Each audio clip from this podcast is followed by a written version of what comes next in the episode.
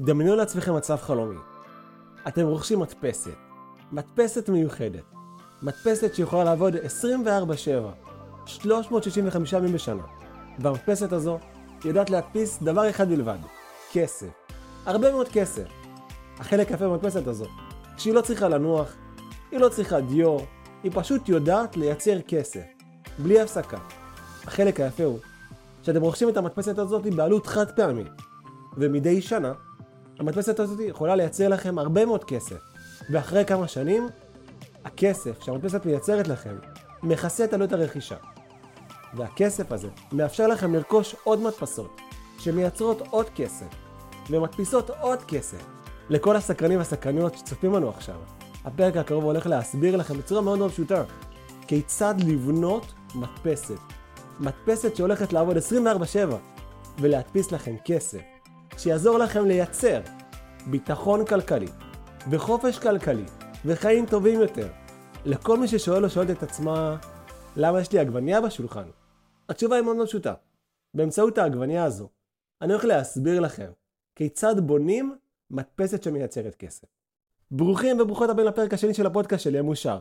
לי קוראים עדי יעקב, ובפודקאסט הזה אני הולך לשתף אתכם בכלים, אפשרויות ואסטרטגיות שעוזרות לי לייצר עתיד כלכלי טוב יותר.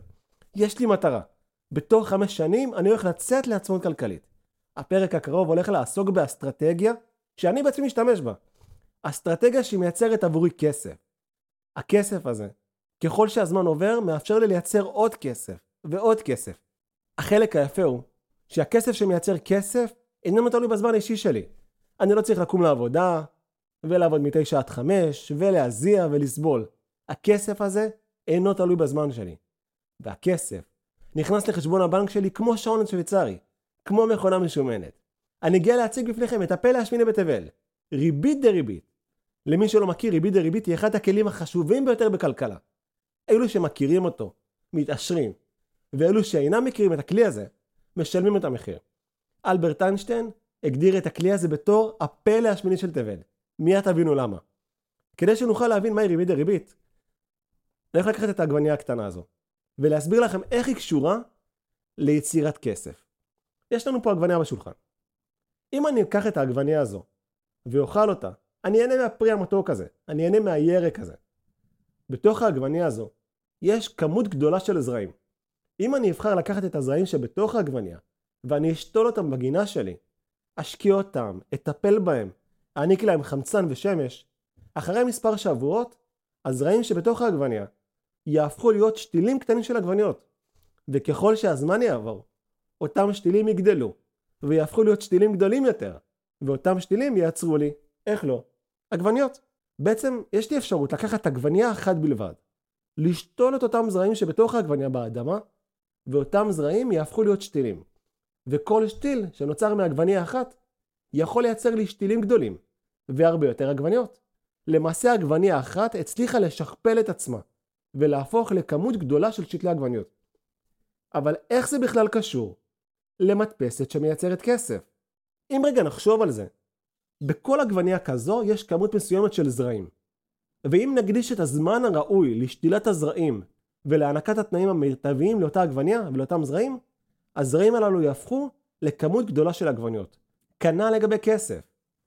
בפרק הראשון של הפודקאסט הסברתי לכם איך אפשר לרכוש נדל"ן להשקעה ולייצר הכנסה חודשית על הכסף שלכם מבלי לרכוש דירה פיזית. למעשה כולכם יכולים להיות משקיעי נדל"ן מבלי לרכוש דירה, מבלי לקחת משכנתה ולהתעסק עם סוחרים ודוד שמתפוצץ ותיווך ועורך דין. אם רגע נחשוב על זה, יש באפשרותנו את האפשרות לקחת את מה שלמדנו בפרק הקודם ולשדרג אותו.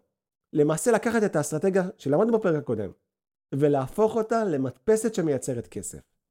אם במקרה דילגתם על הפרק הקודם, אני מבקש לכם רגע לעצור ולחזור לפרק הקודם. אז בפרק הקודם למדנו איך השקעה של 20 אלף שקלים מאפשרת לנו לרכוש 102 מניות של חברת רילטי אינקאם, ואותן מניות הולכות להכניס לנו מדי שנה סכום נטו אחרי מיסוי של 230 דולרים.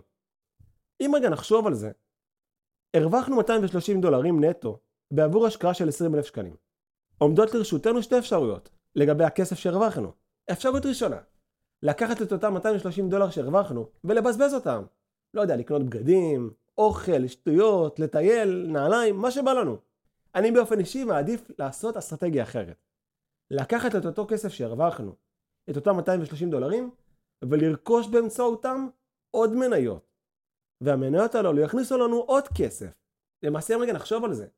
230 הדולרים שהרווחנו הם ממש שווה ערך לזרעים של העגבניה. ואם נשתול את אותם מניות, את אותם הדיבידנדים שקיבלנו בתוך שוק ההון, נוכל לייצר לנו שתילים שמייצרים כסף. כלומר, בפרק הקודם למדנו איך אפשר לרכוש מניות שמשלמות לנו מדי חודש כסף. הכסף הזה הוא שווה ערך בצורה מטאפורית לזרעים שבתוך העגבניה. ואם ניקח את הכסף שהרווחנו ונרכוש באמצעותו עוד מניות, נוכל בעצם לייצר שתילים, הרבה מאוד שתילים, שכל שתיל יש לו מטרה אחת, לייצר עבורנו כסף. האם אתם חושבים שכסף גדל על העצים או שהוא לא גדל על העצים? אם תשאלו אותי, התשובה שלי חד משמעית. כסף גדל על העצים. לא רק שהוא גדל על העצים, כסף נמצא בכל מקום. הכסף פשוט מחכה שיקטפו אותו. לצורך הפשטות אני הולך עכשיו להשתמש בכסף אמיתי כדי להסביר לכם איך אפשר לבנות מדפסת שמייצרת כסף. יש לי ביד סכום שהוא שווה ערך ל-1,000 שקלים. 200, 400, 600, 800, 1,000. בואו נגיד שאני לוקח את הכסף הזה ואני משקיע אותו בחברת רילטי אינקאם. לצורך הפשטות אני הולך עכשיו להשתמש בשקלים ולא בדולרים. אמרנו שהכסף הזה הולך לייצר לנו מדי שנה בעבור ההשקעה שלנו 6% תשואה לכסף. אם רגע ניקח מחשבון ונעשה את הפעולה הבאה, 6% כפול 1,000 שקלים, נגיע למצב שאנחנו נכנסים מדי שנה סכום של 60 שקלים. 20, 40, 60. על הכסף הזה נצטרך לשלם מס רווחי הון. 25% הכנסה. כלומר, ניקח את ה-60 שקלים שהרווחנו, נכפיל אותם ב-0.25%, מה שמשאיר אותנו עם 45 שקלים שנשארו אצלנו בכיס, ועוד 15 שקלים שהולכים לטובת רווח מס הון. כלומר, אנחנו השקענו 1,000 שקלים. בעבור 1,000 השקלים הללו כעבור שנה, הכנסנו 45 שקלים נטו.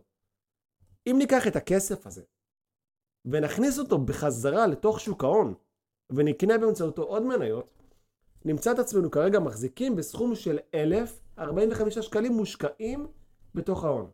אם נעשה את הפעולה הבאה, 6% שזו התשואה השנתית שלנו, כפול 1,045, נגלה דבר מדהים. בשנה הראשונה הרווחנו 60 שקלים ברוטו. ככל שהזמן יעבור, נגלה שהסכום שאנחנו מרוויחים הולך וגדל. למעשה, המטרה שלנו לקחת את הכסף שאנחנו מרוויחים, ומדי שנה, במקום לבזבז אותו, להשקיע אותו בחזרה בתוך אותן מניות שמשלמות לנו כסף מדי שנה. ככל שנמצא את התהליך הזה יותר ויותר שנים, נגיע למצב שהכסף שלנו פשוט מכפיל את עצמו. אנחנו בשנה הראשונה השקענו 1,000 שקלים. בשנה הראשונה הכסף הזה הכניס לנו 45 שקלים נטו, אחרי מיסוי. למעשה הכסף שהרווחנו הולך לחזור בחזרה לשוק ההון. אנחנו הולכים להשתמש בכסף שהרווחנו ולרכוש באמצעותו מניות.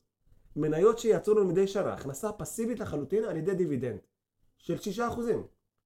אז לקחנו את הכסף הזה, וככל שיעברו השנים, בדיוק כמו עגבניות, הכסף הזה הולך לייצר לנו עוד כסף, שמייצר עוד כסף. בואו רגע נחזור לדוגמה שלמדנו עליה בפרק הקודם. בפרק הקודם לקחנו סכום של 20,000 שקלים. באמצעות הסכום הזה רכשנו 102 מניות של חברת רילטי אינקאם, כאשר המכירה של כל מניה עומד על 50 דולרים. אם ניקח את הרווח שהרווחנו בשנה הראשונה, הרווח שלנו עומד על סכום של 306 דולרים. ניקח את הרווח הזה ונשקיע אותו בחזרה בשוק ההון ונבצע את התהליך שדיברנו עליו לפני שנייה, חוזר חלילה, כלומר לקחת את הסכום שהרווחנו ונקנה באמצעותו שוב מניות של חברת רילטי אינקאם, נגיע למצב שאחרי חמש שנים, תחזיקו חזק, אנחנו נהיה הבעלים של 121 מניות של חברת רילטי אינקאם ובשנה החמישית תכניס סכום של 364 דולרים. אתם זוכרים מה הסכום שהרווחנו בשנה הראשונה? 306 דולרים. כלומר הגענו למצב שהכסף שלנו מתחיל להדפיס כסף עבורנו. אחרי 10 שנים, שנחזור לפעולה הזו, אותן 102 מניות הולכות לקפוץ לכמות של 151 מניות. ואותן מניות יהפכו להיות מדפסת שמדפיסה כסף בקצב יותר מהיר. למעשה, ככל שהשנים עוברות, המדפסת מאיצה את הקצב שלה. היא מתייעלת, והיא עובדת בצורה הרבה יותר חלקה וטובה. אני יודע שהפרק הזה מורכב. הפרק הזה מכיל את אחד הנושאים המסובכים ביותר בעולמות הכלכלה והעסקים. אני מבטיח לכם דבר אחד. ככל שתבינו את הנושא הזה יותר ויותר לעומק, וככל שתחקרו יותר ויותר על ריבית דריבית, אתם תגדילו משמעותית את הסיכויים שלכם ליצור עתיד כלכלי טוב יותר בחיים שלכם. אני רוצה רגע לקחת ממש כמה רגעים ולסכם בראשי פרקים מה למדנו בפרק הזה. בפרק הזה הסברנו אסטרטגיה ליצירת שפע על ידי השקעה בשוק ההון. למעשה הצענו אפשרות להשקיע כסף בשוק ההון. על הכסף הזה אנחנו מרוויחים מדי שנה 6% תשואה, שהם מסתכמים ל-60 שקלים. על ה-60 שקלים הללו נצטרך לשלם מס רווחי הון, בגובה של 25%, מה שמשאיר אותנו בסוף השנה אחרי מיסוי עם סכום של 45 שקלים. את הכסף הזה, לנו לקחת ולהשקיע בחזרה בשוק ההון.